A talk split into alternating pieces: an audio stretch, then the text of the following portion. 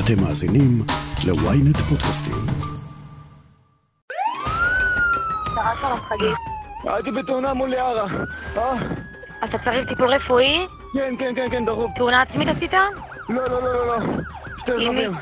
אני לא יכול לדבר, אני עוד שנייה אני מת. כולם שם בהכרה מלאה? לא, מה זה לא? כרגע שאתה קורא לבן אדם, הוא לא, בהק... הוא לא עונה לך? לא, לא עונה לי, יש לי שתיים לא בהכרה פה. איתך. איתך. איפה הנהג של הרכב ההוא? איפה הנהג של הרכב?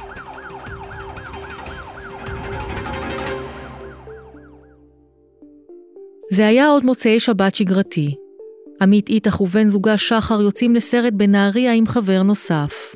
בדרך חזרה הביתה מתנגש בהם רכב שסטה מהנתיב. מדובר בכביש חשוך ומפותל, דו-סטרי. זאת לא הפעם הראשונה שמתרחשת בקטע הכביש הזה תאונה קטלנית. מספר שעות לאחר התאונה מגיע לבית החולים בנהריה אדם, הולך בכוחות עצמו, וטוען שהוא הנהג ברכב הפוגע. וכאן העלילה מסתבכת. אני מיטל שבתאי, וזאת הכותרת.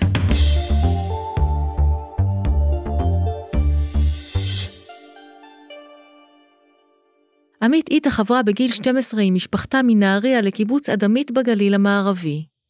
בת לתמי ואבי, אמצעית מבין שלושה אחים.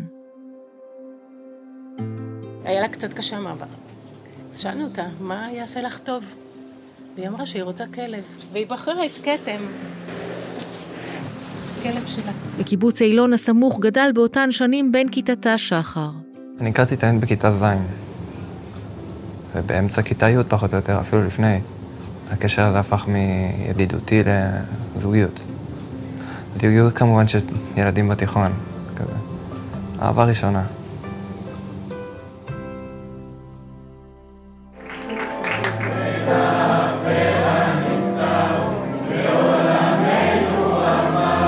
קיץ 2019.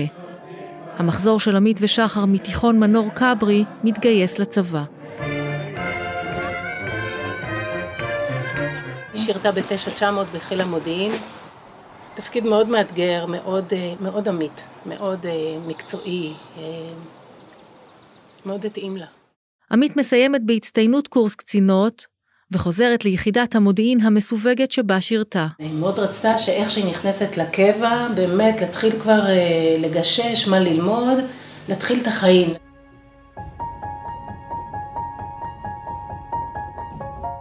התגייסתי בנובמבר 2019 לצנחנים, גדוד 101. שירות אינטנסיבי, פיזי מאוד, הרבה אתגרים. היא מאוד פחדה, כי היא ידעה שאני אשתחרר כמה חודשים ארוכים לפניה, ושאני אתעניין בבנות אחרות. אבל תכננו רחוק, תכננו הרבה קדימה. זה שחר קחילה, בן זוגה של עמית. חצי שעה של נסיעה מפרידה בין הקיבוצים שלהם לכפר מזרעה. לא רחוק משם בווילה ענקית ומפוארת מרושתת במצלמות אבטחה, גדל רפה אסלן. הוא השני מבין חמשת ילדיו של פייסל, הבעלים של השוק הסיטונאי המצליח בצפון הארץ, שוק פייסל הגדול. מהו השוק הזה בשביל תושבי הצפון והגליל המערבי? יוסי חורי, הפעיל החברתי, מסביר לנו. פייסל למעשה התחיל אה, אה, בתור חקלאי. הוא בעצם היה מגדל אה, את, הפירות, את הירקות שלו פה בשטח שמאחוריי. ואני בתור ילד, אפילו עם אבא, היינו באים לכאן, עוד שזה היה בסטות. ומשם הוא התגלגל להיות קמעונאי. היום הוא בעצם הסופר הכי גדול באזור. כולם פוקדים אותו באזור, כולם מכירים אותו. אפילו עד המרכז באים אנשים ופוקדים את המקום וקונים. הבן של הירקן מהכפר מזרעה למד משפטים בחו"ל, התמחה בבית משפט, ומתגורר כיום בפנטהאוז מפואר בנהריה. הוא המנהל הבכיר של האימפריה שבנה אבא שלו, זה שכולם מכירים בתור פייסל הגדול. ברוב הקניות את תמצאי אותו שם מסתובב בין הקונים, בין הדוכנים, מלווה את הקונים, שומע כל מיני הערות, מטפל. פייסל הוא אדם מאוד אה, אה, ישר ונחמד. ההצלחה של פייסל מאפשרת לבנים שלו חיים ברמה שהוא יכול היה רק לחלום עליה. לימודים באוניברסיטאות נחשבות בחו"ל, מסיבות, בילויים ומכוניות יוקרה. רפה ואחיו חליל ונאסר אוהבים מותגים, והם מרבים להעלות לרשתות תמונות על רקע מכוניות הספורט של המשפחה, פרארי, מרצדס ואסטון מרטין. את החופשות מהצבא עמית ושחר תיאמו כדי לבלות יחד. כך גם באותו סוף שבוע, בפברואר האחרון. היא יצאה מהצבא, וכמו כל יום חמישי נסענו לנהריה לאסוף אותה מהטרמפיאדה. הבאנו אותה הביתה והיא ישבה קצת איתנו, ובערב היא תמיד אה, נסעה לשחר, לאילון. עכשיו הם חברים שלי, שלה, חברים מהתיכון כזה, והיה סבבה. והיינו וצחקנו ושתינו והיה בסדר. ובשבת רצינו ללכת כבר תקופה לפני. לפני הסופש הזה לכנאפה. הם אהבו ככה לקנח את הסופש בכנאפה, בכפר יאסיף, וכשהם חזרו הם נסעו אה, לאילון, אה, בערב הם אה, החליטו שהם נוסעים לסרט. מוצאי שבת עשר בלילה.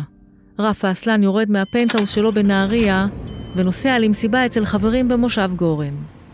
בשעה רבע לאחת עשרה הוא מתועד מחנה את הרכב בכניסה לבית ונמצא שם כשעתיים לערך. לפי טענת המשטרה הוא מתועד שותה ופעיל מאוד באירוע. לקראת 12 וחצי מצלמות האבטחה מתעדות את אסלן יוצא מהמסיבה, נכנס לג'יפ הקאיה ונוסע לבדו מהיישוב. סמוך לחצות מסתיימת הקרנת הסרט בקניון בנהריה. עמית שחר וים, חבר ילדות נוסף שלהם, נכנסים לרכב היונדאי של ים ונוסעים הביתה לקיבוץ אילון. כתבתי לוואטסאפ, דברי איתי כשאת ברכבת מחר. וזה הוואטסאפ האחרון שלי אליה. שש דקות לאחר שרפה אסלן מתועד יוצא עם רכבו ממושב גורן, מתקשר ים למוקד 100. משטרה שלום חגית. הייתי בתאונה מול יערה. אה? אתה צריך טיפול רפואי? כן, כן, כן, כן, דחוף, דחוף. אין בעיה, אבל איפה אתה נמצא ביערה? מול יערה, מול יערה לכיוון אילון. דחוף, דחוף, דחוף, דחוף. תאונה עצמית עשית? לא, לא, לא, לא, לא. שתי? רכבים. רק דחוף, שנייה. אני לא יכול לדבר, אני עוד שנייה אני מת. שלום, נועה ממגן דוד. כמה נפגעים יש במקום כרגע? כמה אנשים נפגעו חוץ ממך? ברכב שלי שלוש, ברכב הנגדי אני לא יודע. כולם שם בהכרה מלאה? לא, מה זה לא? כרגע שאתה קורא לבן אדם, הוא לא, בהק... הוא לא עונה לך? לא, לא עונה לי, יש לי שתיים לא בהכרה פה. איתך. איתך. לא, מישהו עף מהרכב? כן. יש לי, חכה, יש לי פה עוד אחד. תקשיב לי רגע, עם מי אני עכשיו? דור וקנין? כן, כן. אני... היי, זאת נועה מהמוקד. מה קרה שם? כמה אנשים יש שם? אחד אנוש, אחד קשה. אוקיי, וברכב השני כמה יש? כן, יש לי אחד זרוק בתעלה, תוציאו לי עוד כוחות לפה. איש מד"א דור וקנין שגר במושב יערה הסמוך, היה הראשון שהגיע לזירה. פגשנו אותו במקום התאונה. תוך אה, דקה הגעתי למקום, הבחנתי שמדובר בתאונה קשה. ראיתי רכב אחד הפוך בשוליים, רכב אחד בסמוך לשוליים. אה, מראות מאוד מאוד קשים. תוך כדי שאני מדבר עם נהג הרכב, אני שם לב שבשוליים יש עוד אדם. ירדתי אליו ראשון לראות מה מצבו, תוך כדי שאני מעביר דיווח למוקד שלי על אה, כמה נפגעים יש לי, מה אני צריך, כמה סדר כוחות. כמה אה, נפגעים היו לך? היה לי שלושה. הראשון שכב ב- בסמוך לרכב, פגיעה רב-מערכתית קשה. מיד אה, אחריו הלכתי לטפל בנהג הרכב, ולאחר מכן הבחנתי שיש עוד פצועה במושב האחורי של הרכב. אנחנו הענקנו לו טיפול ראשוני מציל חיים, פעולות החייאה, אבל לצערנו הפציעות היו קשות מדי, אז נאלצנו לקבוע את מותה. ראיתי זירות בחיים שלי, אבל אה, תאונה כזאת קורית אחת ל... חוקר התאונות רמי עבאס מגיע אף הוא לזירה, ומבקש מהשוטר במקום תמונת מצב. כלל הנפגעים בתאונה מפונים מרכב היונדאי. מיד אני שואל אותו מהרכב השני כמה נפגעים יש לנו. הוא אמר לי אין נפגעים ברכב השני, לא יודעים מי נהג ברכב. שזה משהו חריג? זה מאוד חריג. מבחינתי זה סימן שאלה.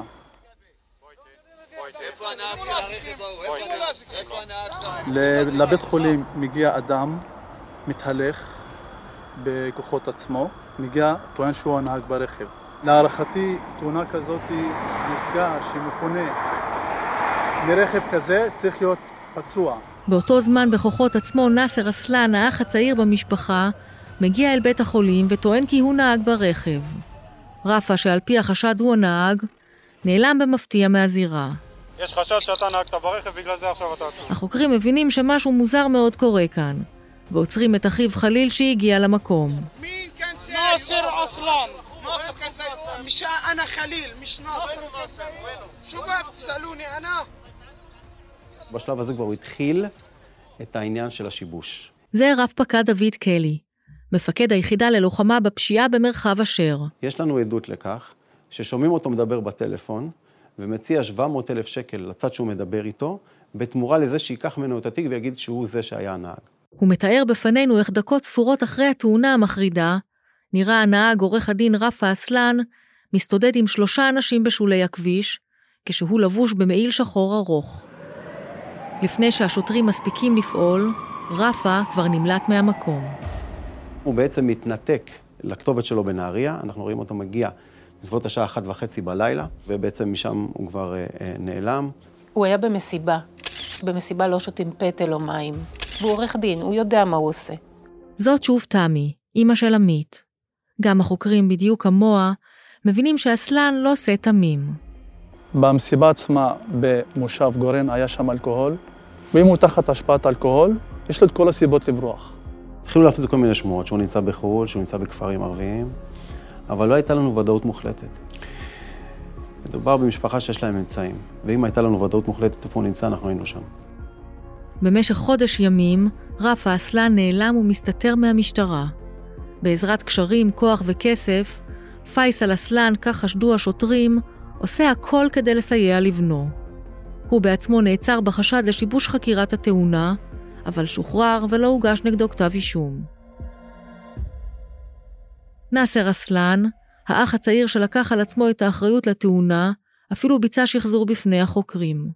הוא נלקח לזירת התאונה, שם הוא מספר לחוקר רמי עבאס, שישב ברכבו לבד בכניסה למושב גורן, משם יצא לכיוון נהריה. הוא טוען שרכב היונדאי הוא זה שסטה מהנתיב, זאת למרות שדוח בוחן התנועה קבע ההפך. למה דווקא נאסר נבחר לקחת עליו את התיק? זאת תעלומה.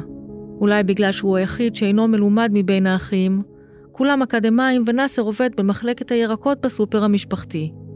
ואולי כי היה חשוב למשפחה שרישיון עורך הדין של רפה, שעובד כמנהל בעסק, לא יילקח ממנו. אנחנו מבינים שיש פה משפחה שעושה הכל, אבל הכל על מנת לשבש את החקירה הזאת. אה, אולי זה מעצם שהוא, אה, היותו עורך דין, אז אולי רצו אה, להציל לו את התואר. הבן אדם עורך דין, הוא אמור לסייע לאנשים, הוא אמור לתת מענה. הדבר המינימלי, לבוא, להסתכל, לבוא, להסתכל, להתקשר למד"א, לאיחוד הצלה. כלום, באמת. חודש הוא ברח, והוא יודע שמחפשים אותו.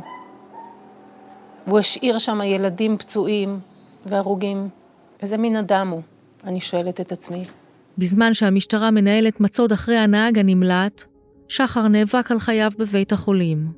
במשך חודשיים הוא נמצא בקומה, לא יודע שאיבד את אהבת חייו.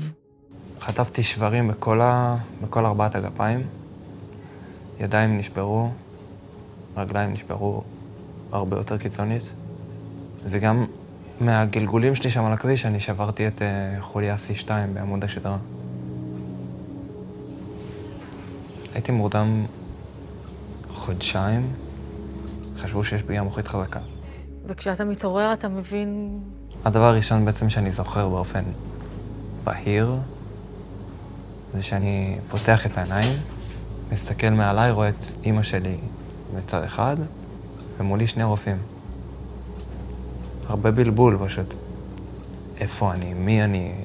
מה היה? למה אני במיטת uh, בית חולים? ואז עומד מעליי רופא, ומתחיל להסביר לי. מתחיל להסביר לי את כל הפרטים, מ-0 עד 100. הוא אומר, קטעו לך את הרגל ואני לא מבין מה זה אומר, מה, מה זאת אומרת? מה זה קטעו לי את הרגל?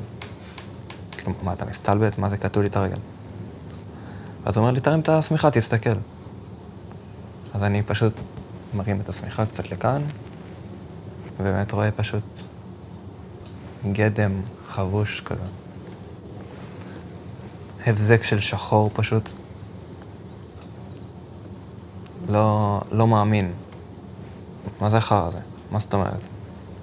מה זה, מה זה הדבר הזה? והאסימון פשוט מחלחל לאט לאט לאט. עד היום זה קורה לפעמים. כשאני מתעורר בבוקר, ומסתכל ואני אומר, עוד פעם הדבר הזה, עוד פעם אני רגל. עד שנזכרתי בחיים הקודמים שלי, ובמציאות שהייתה לי ובזוגיות שהייתה לי, לקח כמעט שבועיים. שבועיים שאני לא שואל עליה, אני לא מתעניין מה איתה, וחברים מבקרים אותי, כי כשאמרו שהתעוררתי אז באים לבקר. ועברו פחות או יותר שבוע וחצי, שבועיים, עד שהתחלתי להבין שמה זאת אומרת שחברים מהצבא מבקרים והיא עדיין לא פה. כל אחד שהיה נכנס היה עובר סוג של תדריך כזה אצל אימא, שאם אני שואל על עמית, לא להגיד לי. ובאמת רק אחרי שבועיים שלושה שבאמת כל המדדים מתייצבים באופן מוחלט, ולספר לי את זה כבר לא יכול לאיים לי על החיים, רק כשזה המצב הרפואי באמת היה אפשר לספר לי. וזה היה פשוט רגע בלתי נסבל. אני לא שכחתי אותו ואני לא אשכח אותו כל החיים.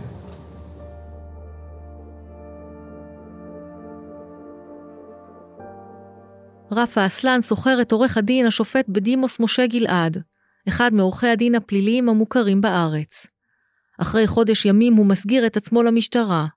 מה אמר לנו עורך הדין כששאלנו אותו על המעשה שביצע הלקוח שלו? הודעה קצרה, ומיד נמשיך עם הכותרת. Ynet רדיו, הרדיו הדיגיטלי הראשון בישראל, מחכה לכם בכל מקום ובכל זמן שתבחרו, עם נבחרת המגישים שלנו ומיטב התוכניות. ynet רדיו, להאזנה באפליקציה ובאתר ynet.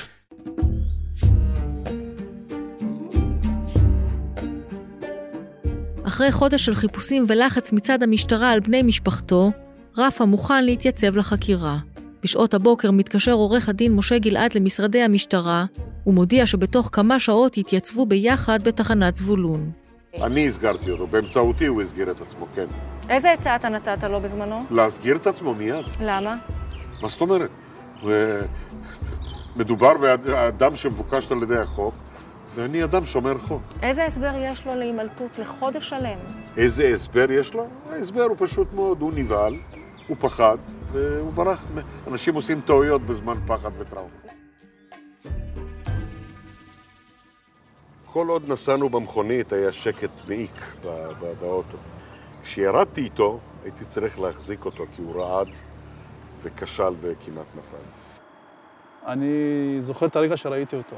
איך הוא נראה לך? איך הוא נראה לי? תמים. אבל הוא לא כזה תמים אם הוא אחרי תאונה... היה לו חודש להתגבר על זה. היה לו חודש להתנקות, נגיד ככה. הוא לא שיתף פעולה, למה הוא ברח? למה נאסר? כל הנושא של השיבוש, כל השיחת טלפון של ה-700 אלף שקל. מה עשית בזירה? מה עשית במסיבה? מה שתית? להוסיף סעיף של נהיגה בשחרות בתאונות דרכים קטלניות במיוחד, זה יכול להחמיר מאוד כתב האישום. אחד שמבין קצת בדיני ראיות, הוא יודע בדיוק מה הוא עושה. והוא מבין? עורך דין. אל תעני לי. רפה אסלן לא עבר בדיקת אלכוהול. במשטרה לא יודעים לומר האם נהג תחת השפעה, ואין להם ראייה לכך. הוא נעצר ומואשם בגרימת מוות ברשלנות, והפקרת פצועים מדממים בזירת התאונה. אחיו הצעיר נאסר, שטען שהוא זה שנהג ברכב, מואשם בשיבוש הליכים. מפליא אותך שעד היום הוא לא מודה שהוא נהג ברכב? לא, ממש לא, אנחנו מכירים את זה, לצערי. ראית סרט חומות של תקווה? כל מי שיושב שם, מה הוא אומר? לא עשיתי כלום.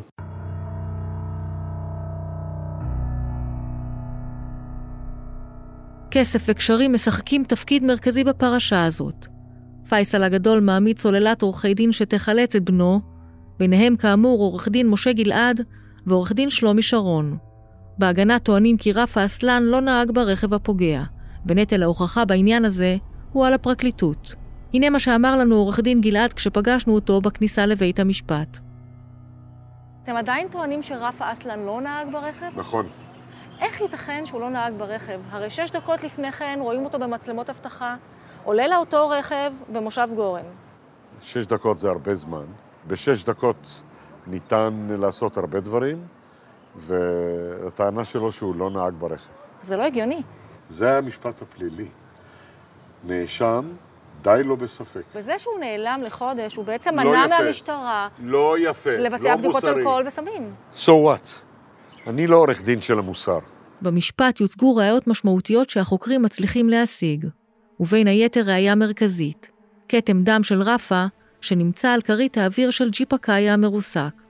הנה רב פקד דוד קלי. הצליחו להפיק טביעת אצבע מידית הדלת של רכב הקאיה. עכשיו, זה נכון, הרכב הזה בבעלות המשפחה, אבל זה לא משנה את העובדה שבסוף טביעת אצבע שלו נמצאה, ולא של מישהו אחר מבני המשפחה. הוא האחרון שנגע מבחינתי בידית. אנחנו מצאנו את הממצא, שבעצם הוא הראיית הזהב של התיק הזה. יש שם דם, שעם העבודה שאנחנו עשינו, אנחנו בעצם הצלחנו להוכיח שהדם הזה הוא של רפה. עורך דין גלעד, יש DNA על כרית האוויר. כרית האוויר היא דבר סטרילי. יש כתמי דם שלו ברכב. את צודקת, זה כתמי... אני לא, אני לא מסכים איתך ולא אה, לא נכנס איתך לוויכוח בנושא הזה. איזה הסבר יש לכך שיש DNA וכתמי דם על כרית אוויר? ההסבר שיש לי יינתן לבית המשפט. זה אני לא מנהל את המשפט בוויינט. לפני כחודשיים מתקבלת בבית המשפט העליון החלטה דרמטית בתיק של נאשם בתאונת דרכים אחרת. הנהג באותו מקרה זוכה מהפקרת הפצועים כי היה בזירה בזמן שהגיעו כוחות ההצלה, מה שמשחק לטובת ההגנה בתיק של רפה. נותרת עבירה של גרימת מוות, שהיא בעצם עבירת רשלנות ולא עם כוונה, שלוש שנות מאסר מקסימום. ההפקרה היא 14 שנות מאסר.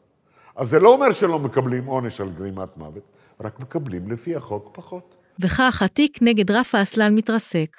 הסיכוי להרשיע אותו בהפקרה קלוש, ובית המשפט משחרר אותו מהאזיק האלקטרוני, ומקל בתנאי מעצר הבית שלו.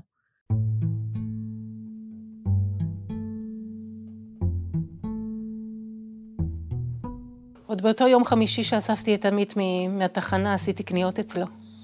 אני שנים עשיתי קניות אצלו. שנים, כל יום חמישי. והוא מממן עכשיו.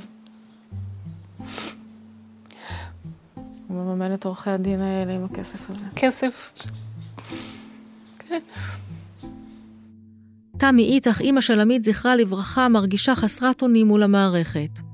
היא רוצה שהפרקליטות תילחם בכדי להשאיר את עבירת ההפקרה בכתב האישום, אחרת התיק יהפוך לתיק תעבורה רגיל. לאור הפסיקה החדשה, בפרקליטות מהססים וחוששים. ומה אפשר לומר לאימא שאיבדה את היקר לה מכל? הבן אדם הזה, אני... קשה לי להגיד בן אדם, אבל הוא... הוא לקח לנו את האוצר הכי יקר מכל. הוא המיט עלינו אסון, אסון. הוא פשוט אה, נהג מהר, סטה מהנתיב, והרס לי את החיים. הרס לי, לאבא שלה, לאחים, לסבים, לדודים. הרס לי את החיים.